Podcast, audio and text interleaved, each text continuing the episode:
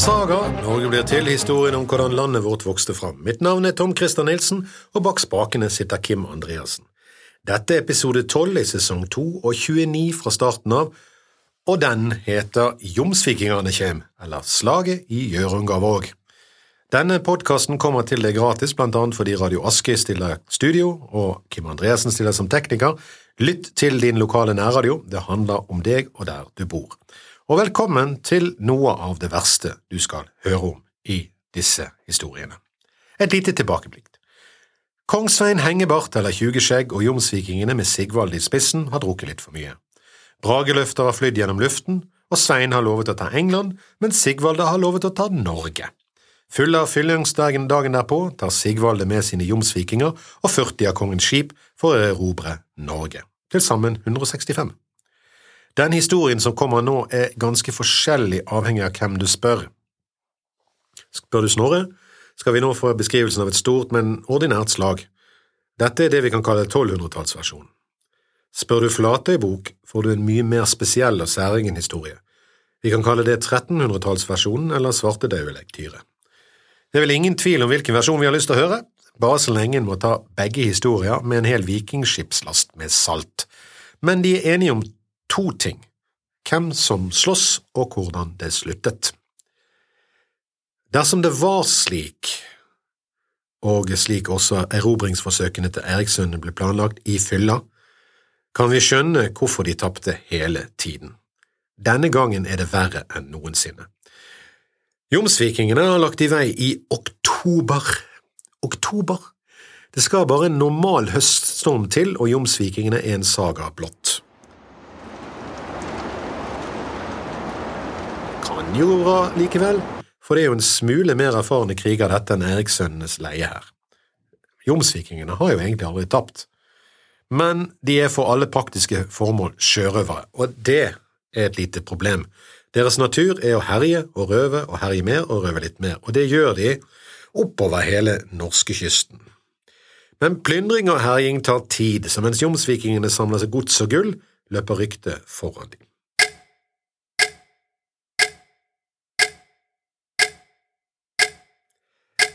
Et sted der de herjer, kommer en av mennene seg unna og løper sporentreks til nærmeste gård, der han kan få sendt beskjed videre opp til Håkon Jarl i Trøndelag. Greit med et fungerende postvesen selv i de dager.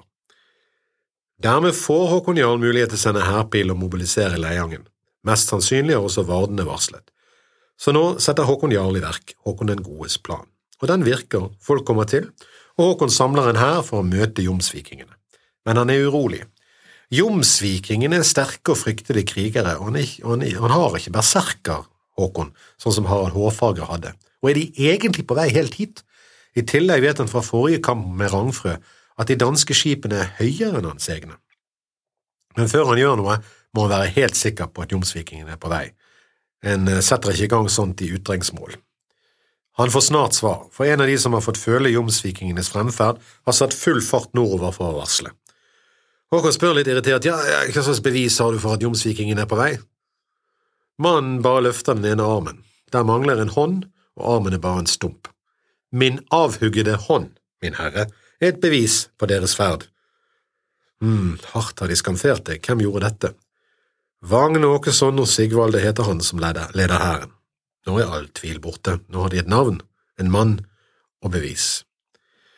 Jomsvikingene har nå skip som knapt eh, flyter, for de har plyndret ferdig langs hele kysten og har endelig kommet seg opp i Møre og Romsdal forbi Stad.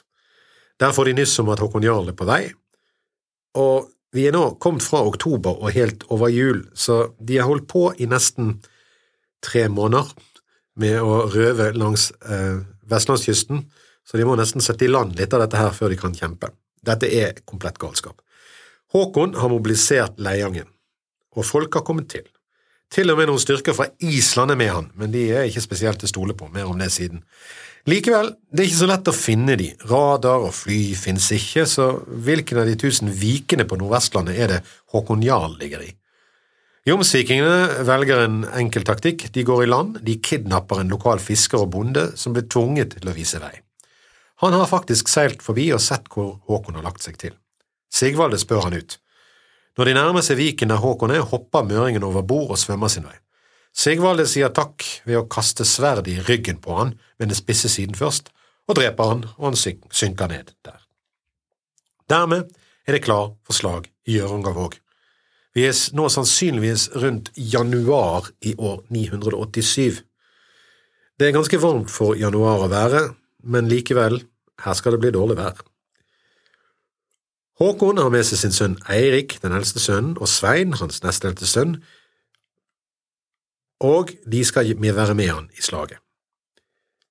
Kildene er noe sprikende. Ifølge Flatøybok samler de tre bukkene Lade 300 skip mot Sigvaldes 165. Ifølge Snorre er det noe mer forvirrende, men om lag 180 skip for Ladejarlen og 60 for jomsvikingene.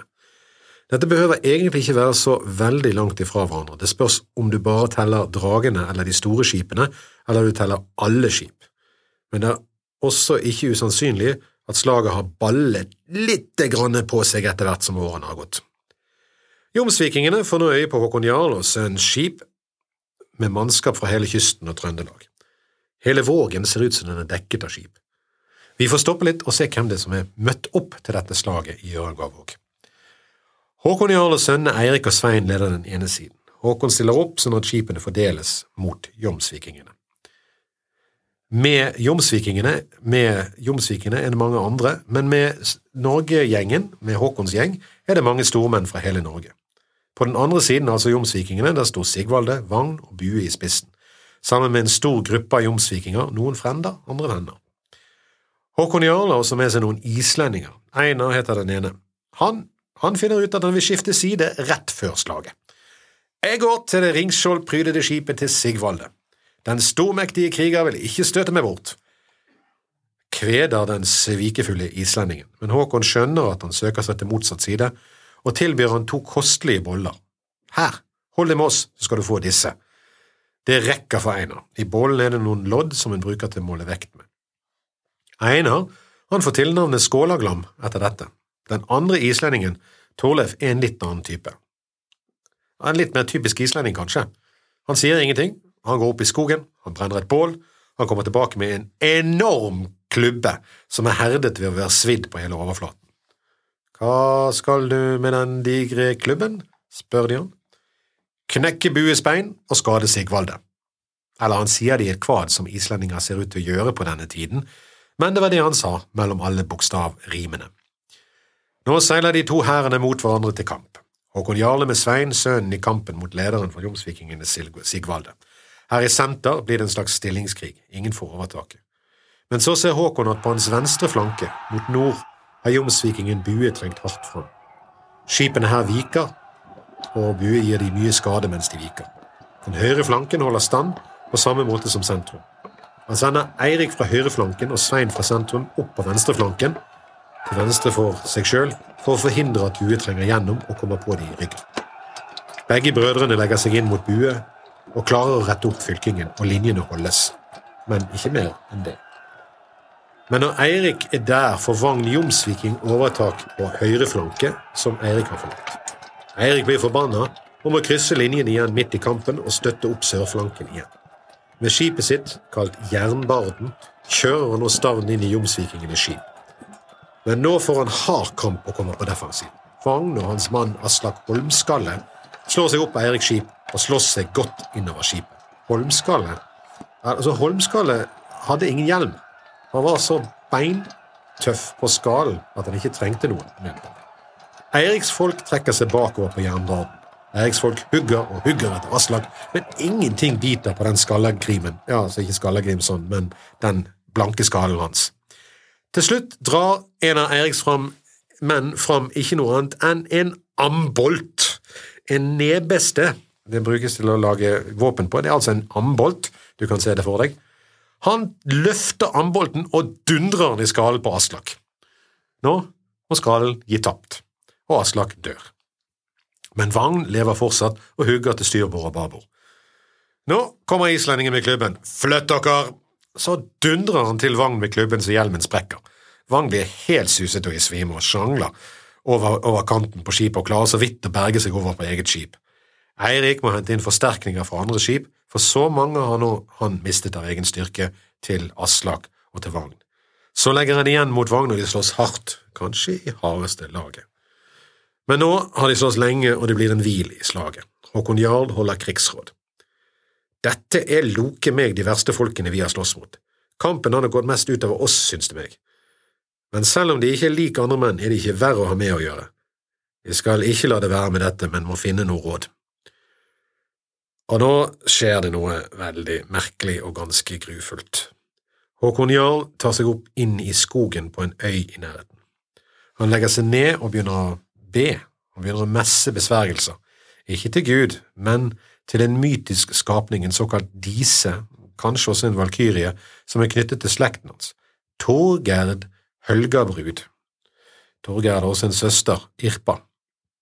Men disen, eller gudinnen, vil ikke lytte. Håkon er ikke så overrasket, for han visste at hun var sint på han.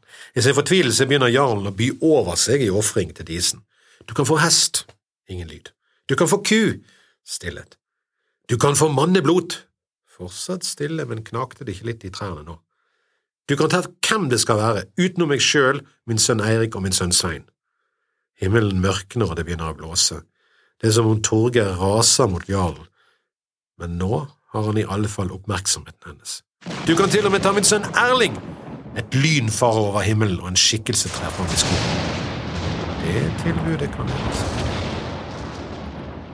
Jarl føler at hans bønner er hørt. Han gir en ordre til Skofte. Den verste ordren han noen gang har gitt. Skofte, nå skal du ta min sønn Erling hit. Skofte er på vei til å snu seg, men jarlen stopper han. Og så skal du blote han her. Skofte fryser i steget og tror ikke sine egne ører. Men en trell har ikke noe valg. Skofte går til Erling, som ikke aner noe annet enn fred og ingen fare når trellen ber han komme opp til sin far. Vel oppe i skogen griper trellen han og skjærer raskt over støpen på. Blodet renner ut på marken. Det er helt forferdelig. Jarlen ser det hele. Nå drar han tilbake til skipene, og galskapen hans har gitt ham bedre humør av alle ting, ellers så er det bare fortvilelse. Nå vet jeg at, skal, at vi skal få seier, sier han. Bare gå hardere fram. Jeg har gitt Torgeir Høgabrud og søsteren hennes et løfte, og de vil ikke svikte. Snorre er mer avmålt. Han sier bare at noen sier at jarlen gjorde manneblod, men ikke noe mer. Men jarlen har blotet, og mens han har blotet, har himmelen mørknet. Så når skipene legger til og kampen tas opp igjen, mørkner det til over dem, og det begynner å hagle hardt og lyne. Det er som æsene sjøl er med i kampen. Jomsvikingene må kjempe i motvind mot det drivende haglet.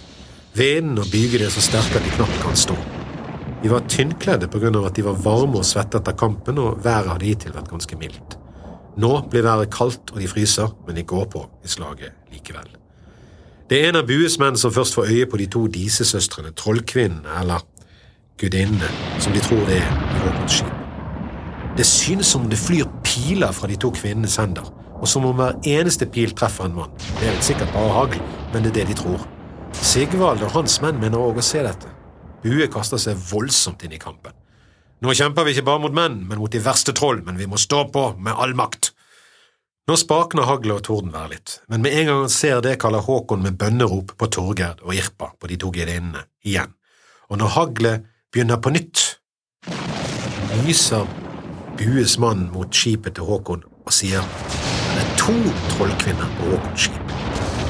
Da er det nok for Sigvalde. Han mister motet. Nå vil jeg flykte, sier han, for vi kjemper mot menn. Det er greit, men ikke mot troll. Til mitt forsvar så får jeg si at, klarte, at vi klarte å holde unna for mennene, men vi svor aldri noe ned på å slåss mot trollene her i Norge. Og dermed drar jomsvikingen Sigvalde sin kos. Bye bye, Norge. Men hans folk klarte ikke å komme seg unna så lett. Det er ikke de andre, i hvert fall. En av Eiriks menn hopper over på Bues skip og hugger til, så nesen, leppene og haken kuttes av på Bue. Bue hugger mannen i to, tross skadene. Når Håkon ser det, så kaller han til seg alle sine ledere og ber de gå på Bue. Men de vegrer seg. Bue er for sterk. Resultatet er at Bue vinner mer terreng, eller vel sjø. Håkon ber sin beste mann, Sigmund, gjøre noe med dette. Han får de andre av Håkons beste menn med seg. Sigmund egger karene sterkt og får de opp på Bues skip. Selv går han fram mot Bue. Bue er stor og sterk, men Sigmund er spenstig og smidig og hopper unna Bues hugg. Det ser groteskt ut nå der, halve Bues ansikt er borte og nesen med. men fortsatt slåss han bedre enn noen. Men Sigmund er minst like god med sverdet i begge hender, og han skifter nå sverdet fra hånd til hånd, og nå finner han åpningen. Han kutter av begge bues hender. Uten ansikt og uten hender innser nå Bue at slaget er tapt.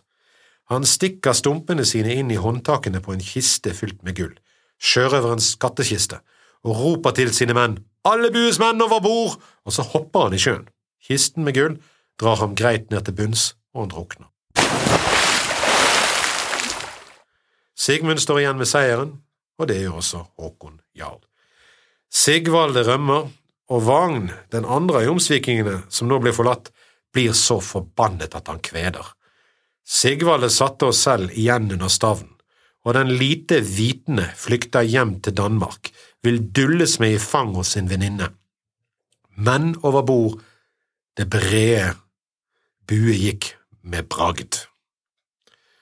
Da Vagn hadde diktet visen, sendte han i forbannelsens spyd etter Sigvalde og tror et øyeblikk at han dreper han. Men det viser seg at Sigvald har satt en annen mann til rors mens han selv er ved årene. Om det var for å få igjen varmen, eller om det var for å komme fortest mulig vekk, vet vi ikke. Flere av jomsvikingene fulgte med i flukten. Men Sigvalde kommer unna. De som er igjen, samler seg på Vagns skip. Håkons menn klarer ikke helt å renske dette skipet før natten faller på, men må sette vakt rundt skipet om natten, for de orker ikke gå gjennom det før morgenen etterpå. Selv om det er vakt rundt skipet og alle årene er vekke, klarer de å seile seg bort til skjæret i midten av vågen. Jarlens menn holder fortsatt på å stelle sine sår når dagen gryr. Plutselig høres smell av en buestreng, og en pil feller jarlens frende Dalegrubran. Når de kommer ut på skipet til Vagn, finner de en mann med begge beinene hugget av, som likevel har klart å stolpe seg opp langs kanten av skipet langs eh, bordet øverst på skipet og skyte en pil mot det han trodde var Håkon Jarl. Jarlen hadde jeg tenkt den til, sier han. Han ble drept, på stedet, og dør over ripen. Denne historien er ikke helt slutt ennå, for en gangs skyld får vi høre hvordan det går med krigsfangene, og det er ikke noe mindre grotesk. Det er ingen tvil om at jarlen har tenkt å drepe absolutt alle. Han setter i gang ved hjelp av en torkjell. For å sjekke om jomsvikingene er så tøffe som de sier, så spør de hver mann hva han syns om døden. De får mange rare svar, men ingen er redd. En mann tar sågar fram kjønnsorganet og viser hva han har lyst til å gi til jarlens kone. En annen bøyer seg framover slik at Torkjell kommer til å hugge av hendene på den mannen som holder håret hans oppe i stedet. Det går fryktelig galt, dette. Til slutt blir faktisk Torkjell sjøl drept, og Eirik, jarlens sønn, får nok av dette tullet. Han begynner heller å spørre om hvem de enkelte er. Til farens store sinne gir han etter hvert krigsfangene Grid, for han føler de kan ha mer ry og nytte av å spare de, og kanskje få mer løsepenger på den måten, enn å bare drepe de. De slutter nå, disse, å være jomsvikinger, de betaler sine løsepenger og drar hjem til gårdene sine. Sigvalde kommer hjem, og konen vil bade han. Konen blir forundret. Sigvalde har ikke et merke etter kampen. For meg ser det ut til å kunne gjemt i hvetemel, så hvit og uskadd du er, sier hun, litt misfornøyd. Sigvald kjenner det stikket hardere enn Håkon Jarls sverd, men han sier det kan godt hende du senere ikke får sånne seire, Rose, og da kan det hende du liker dette bedre. Med andre ord, sårene kan komme senere, få nyte det mens det er uskadd. Med det er det siste store slaget mellom nordmenn og daner i Norge over, og nå kommer Olav Tryggvason stadig nærmere. Det var det for denne gang og denne episoden i sagaen Norge blir til, historien om hvordan landet vårt vokste frem. Dette var episode 29, Slaget i Hjørungavåg. Mitt navn er Tom Christer Nilsen, og bak spakene sitter Kim Andreassen. Du kan sende spørsmål eller kommentarer til tomchrister.gmail.com. Neste gang får vi vite hvordan det går med Håkon Jarl når Ola Tryggvason kommer, men før det et vers fra Håvamål. Betre bør du ber ikke bakken mannevit mykje, det er betre enn gull ifra man gard, hvit er vesalmanns trøyst.